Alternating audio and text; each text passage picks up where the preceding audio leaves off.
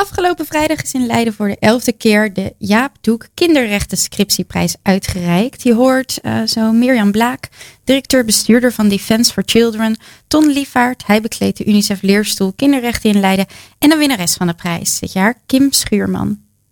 Voor Defense for Children is het heel erg belangrijk om te laten zien hoe kinderrechten breed geïnterpreteerd kunnen worden. Dus het is heel belangrijk om studenten te inspireren om uh, hun scriptie te schrijven over wat kinderrechten betekenen in een veelheid aan thema's die kinderen raken. Uh, mij verraste de enorme breedheid aan onderwerpen. Het ging over het uh, systeem in India, maar ook de overgang van het PEI naar TBS hier in Nederland. Het ging over rechten om te protesteren als kind zijnde in Het kinderrechtenverdrag dat gaat over alle aspecten van het leven van kinderen. Dus dat is heel breed. Het gaat echt over kinderen van 0 tot 18 jaar, hun ontwikkeling. Het gaat over de bescherming van kinderen. In Nederland is het in 1995 geratificeerd, maar er is nog heel veel te doen aan de bewustwording. Ik denk dat heel veel mensen nu inmiddels het kinderrechtenverdrag kennen. Maar wat dat dan betekent en hoe dat dan ook meegenomen moet worden bij het opstellen van wetgeving, dat is nog onvoldoende bekend. Ton, je bent hoogleraar uh, kinderrechten hier in uh, Leiden. Waarom is voor jullie deze prijs zo belangrijk?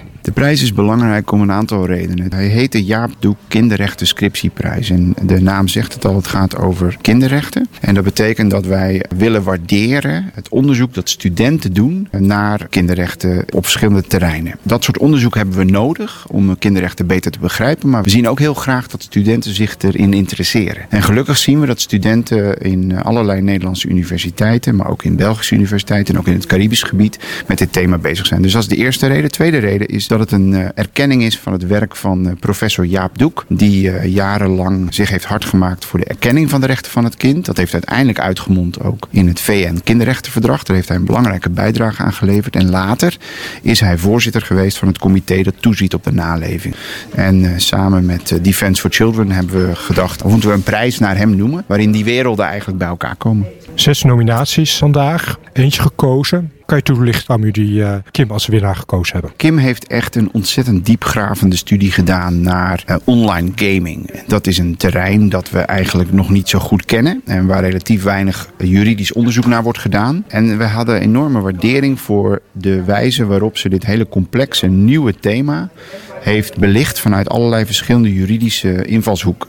Dus ze heeft verschillende rechtsbronnen moeten combineren, van het VN-kinderrechtenverdrag tot Europees recht. En uiteindelijk heeft ze zich de vraag gesteld ja, hoe, hoe dat juridisch kader eigenlijk kinderen optimaal kan beschermen. In een wereld waar ze onvermijdelijk zijn, waar ze graag spelen, waar ze ook uh, spelen met vrienden. Dus dat is allemaal heel positief, maar waar ook wel gewoon risico's zijn.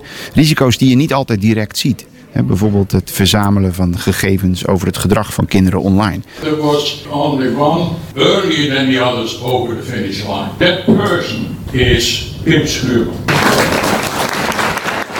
Gefeliciteerd. Hoe ben je op het onderwerp gekomen? Mijn onderzoeksinteresse focust zich voornamelijk op kinderrechten, maar ook wel op law and technology. En toen dacht ik, waarom niet combineren die twee? Digitale kinderrechten. En toen zag ik van dat games wel heel hoog op de agenda stonden in zowel nationale overheden als bij de Europese Unie. Toen dacht ik, nou, daar ga ik er meer naar kijken. Hoe heb je het aangepakt? Eerst heel veel literatuur lezen en dan vervolgens proberen een beetje wijs te worden uit die literatuur. Kijken waar kan ik nog iets toevoegen aan het debat. En voornamelijk ook hoe kan ik kinderen promoten? Hoe kan ik kinderen hierin, kinderrechten echt uh, op de voorgrond zetten? En het belang dat beter, betere wetgeving heeft voor kinderen. Producenten van uh, videospelletjes. Wat doen zij uh, wat, wat kinderrechten raakt? Waar ik me voornamelijk gefocust op heb, is het feit dat het design, dus het ontwerp van veel games, tegenwoordig voornamelijk kijkt naar hoe kunnen we zoveel mogelijk geld maken uit de gamers. En op uh, verschillende manieren. Dus door bijvoorbeeld te zorgen dat gamers maar blijven spelen en spelen en spelen.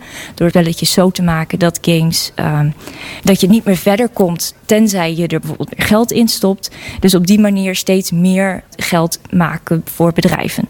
En kinderen zijn een heel groot onderdeel van de gamingpopulatie. Die heel veel kinderen onder de 18 spelen videospelletjes.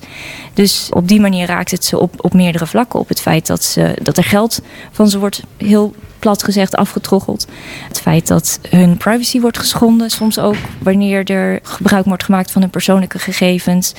En het feit dat iets wat leuk en ontspannen en iets uh, zou moeten zijn waar je plezier aan beleeft, ineens een economische dimensie krijgt. Je hebt gewonnen. Hoe leuk is dat? Dat is heel erg leuk. Ja, mooie prestatie van Kim Schuurman met haar, uh, de naam van haar scriptie als Game Design No Child's Play. Uh, behalve een klein geldbedrag heeft ze ook een reis gewonnen naar Genève in Zwitserland. Ze gaat er onder meer op bezoek bij het VN-comité in zaken de rechten van het kind dat zich daar bevindt.